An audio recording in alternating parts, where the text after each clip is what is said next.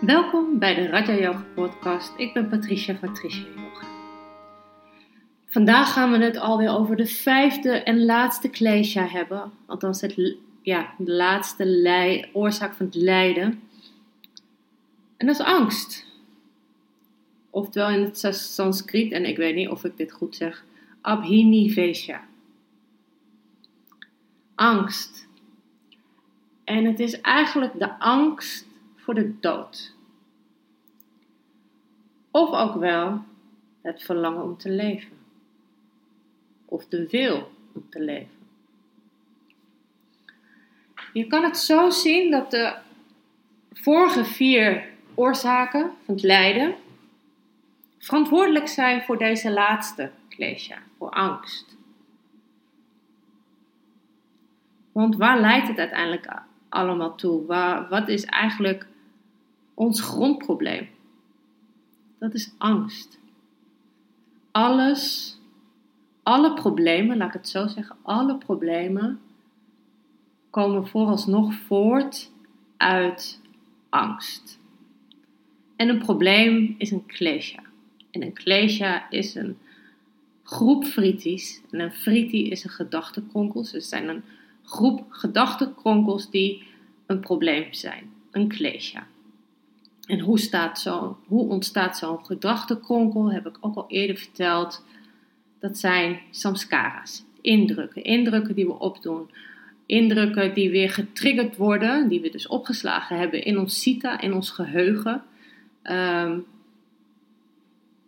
die weer getriggerd worden, die een gedachtenkronkel vormen. En een hele groep van die gedachtenkronkels daaruit ontstaat. Dus dat probleem.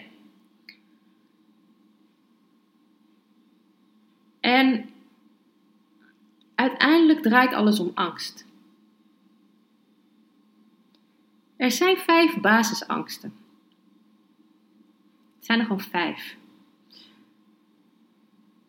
We hebben angst om te sterven, dus angst voor de dood. En waarom zijn we angstig om te sterven? Waar, waarom wordt er vanuit uh, de filosofie, de yoga-filosofie gezegd Ehm, dat we angst hebben om te sterven, dat is eigenlijk omdat we bang zijn om onze identiteit te verliezen. En dat is weer die ik-benheid, dat is dat ego. Want vanuit onwetendheid ontstaat die ego.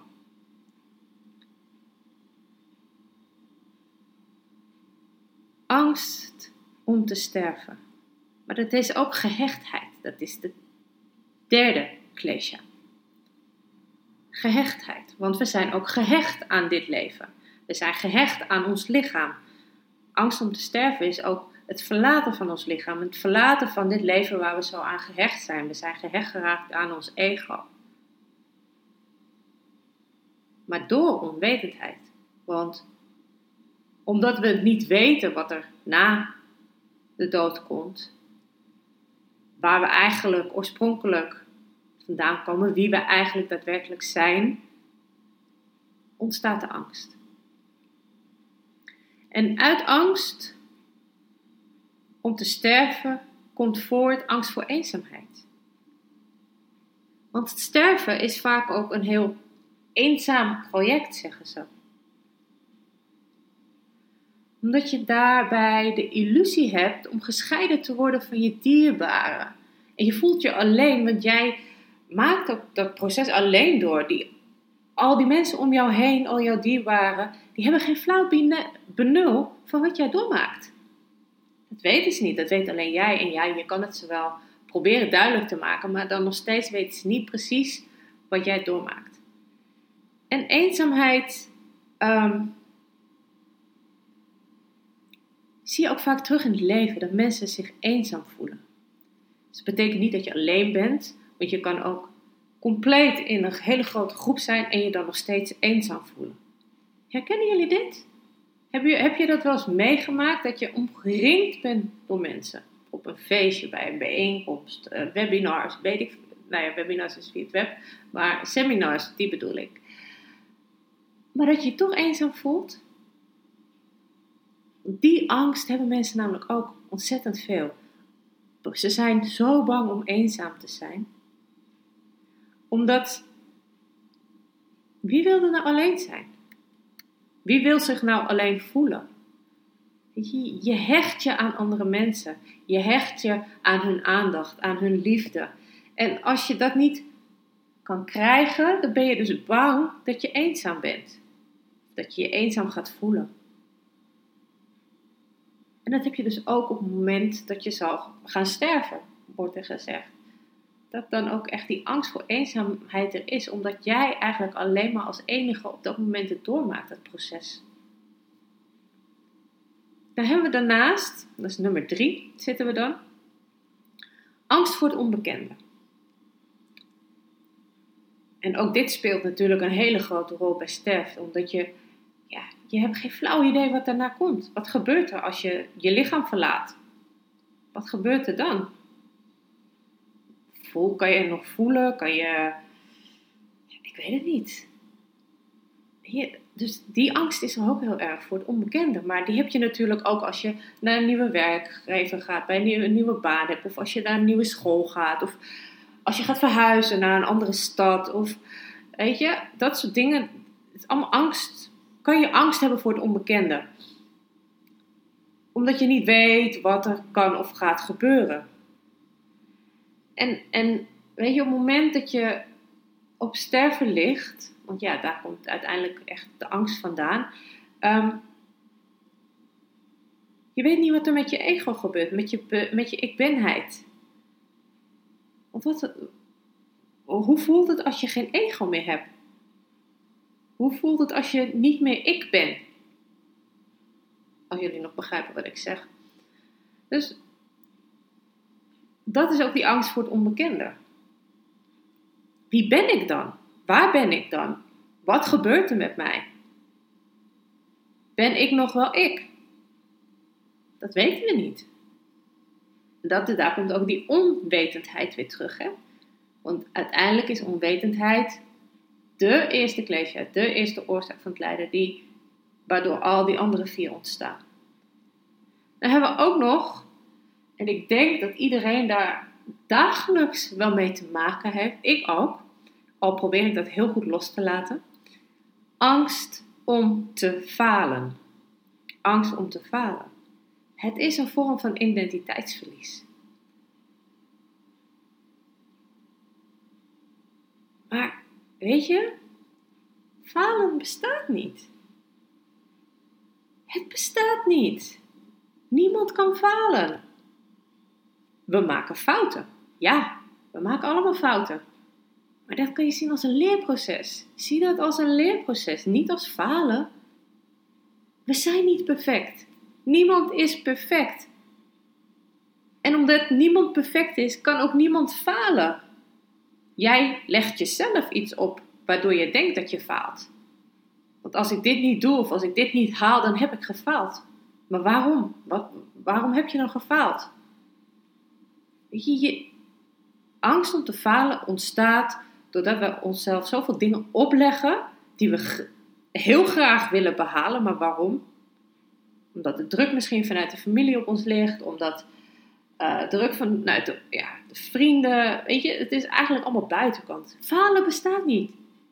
Fouten maken ja. Iedereen maakt fouten. We maken allemaal fouten. Maar fouten maken betekent leermomenten. Wat zeg je tegen een klein kind? Hoe vaak zeggen we wel niet: Oh, je bent gevallen, hup, sta maar weer op. Het is opvallen. Het is vallen en opstaan angst om te falen bestaat gewoon niet.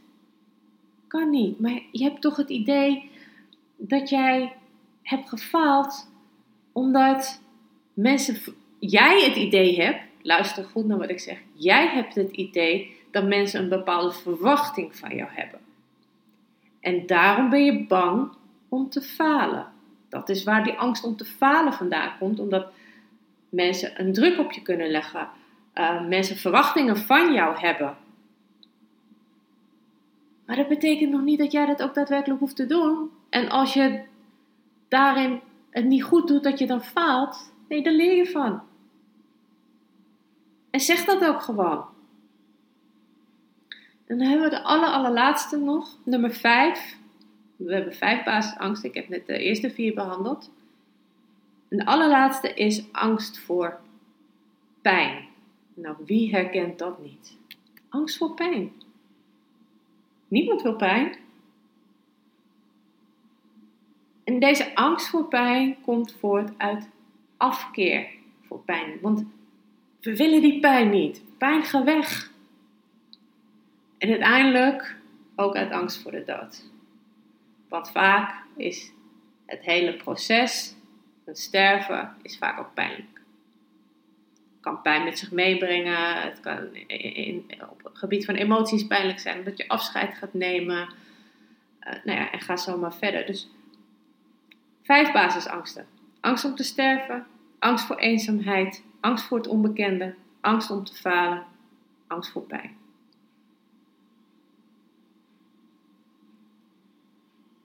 En weet dat alle angsten de oorsprong vinden vanuit onwetend zijn. Omdat we niet wetend zijn, hebben we angst. Ik hoop dat jullie uh, dit een beetje hebben kunnen volgen. Ik vind het altijd zelf wel heel interessant uh, hoe dit allemaal in elkaar steekt. En voor mij klinkt het vaak ook wel heel logisch. Ik hoop dat dit voor jullie ook uh, logisch klinkt of ja, herkenbaar is in ieder geval. En uh, ik wil jullie nog even meenemen in een meditatie. Dus kom lekker zitten, sluit lekker de ogen. Voel even of je goed ontspannen zit. En keer de aandacht dan naar binnen toe. En word je maar bewust van je adem. En laat op iedere uitademing je hele lichaam ontspannen. Laat op iedere uitademing alle emoties tot rust komen. En laat op iedere uitademing alle gedachten stil worden.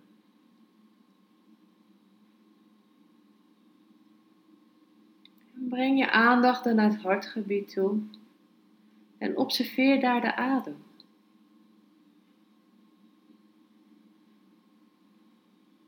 En wees je dan bewust van het hart als een centrum, als een poort naar jouw ziel, jouw hogere zelf.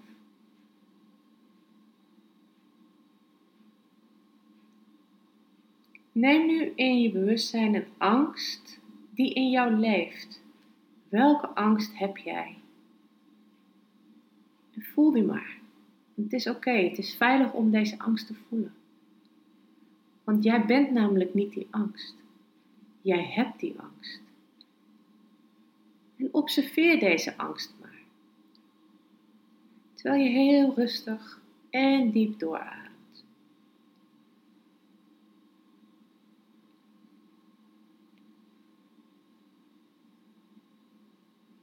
Vraag om hulp aan jouw hogere zelf. En geef deze angst over aan jouw hogere zelf. Het centrum van liefde, wijsheid en heling in jou. Wie heeft er nu angst? Het kleine ego of het hogere zelf? En met wie identificeer jij je?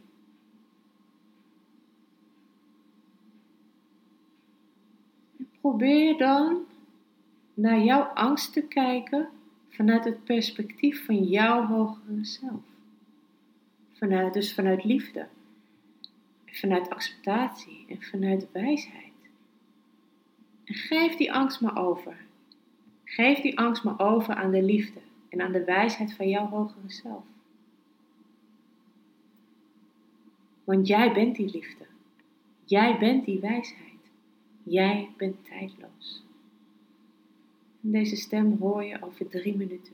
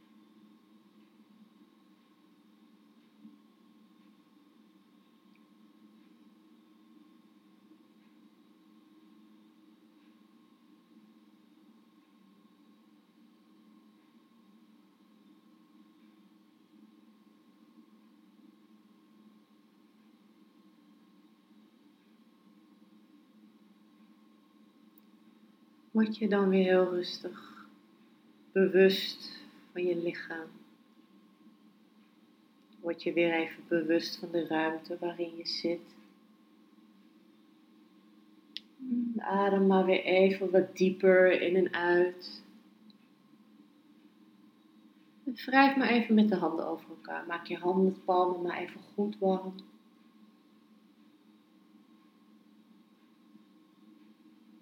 Dan mag je de kommetjes van je handen voor je ogen leggen. Laat je de warmte van je handen even inwerken op je ogen. Voel hoe ze hierdoor ontspannen. Voel hoe ze hierdoor zachter worden. En terwijl je handen zo voor de kommetjes, eh, voor je ogen liggen, open je rustig de ogen. En dan mag je rustig de handen van je gezicht af laten glijden.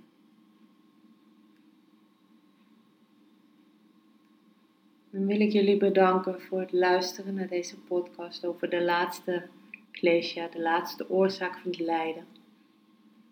De volgende week zal ik het stappenplan eh, kenbaar maken, hoe je er weer uitkomt. Hoe je uit een probleem kan komen. Dus ik wens jullie voor vandaag nog een hele fijne dag toe en tot de volgende keer. Namaste.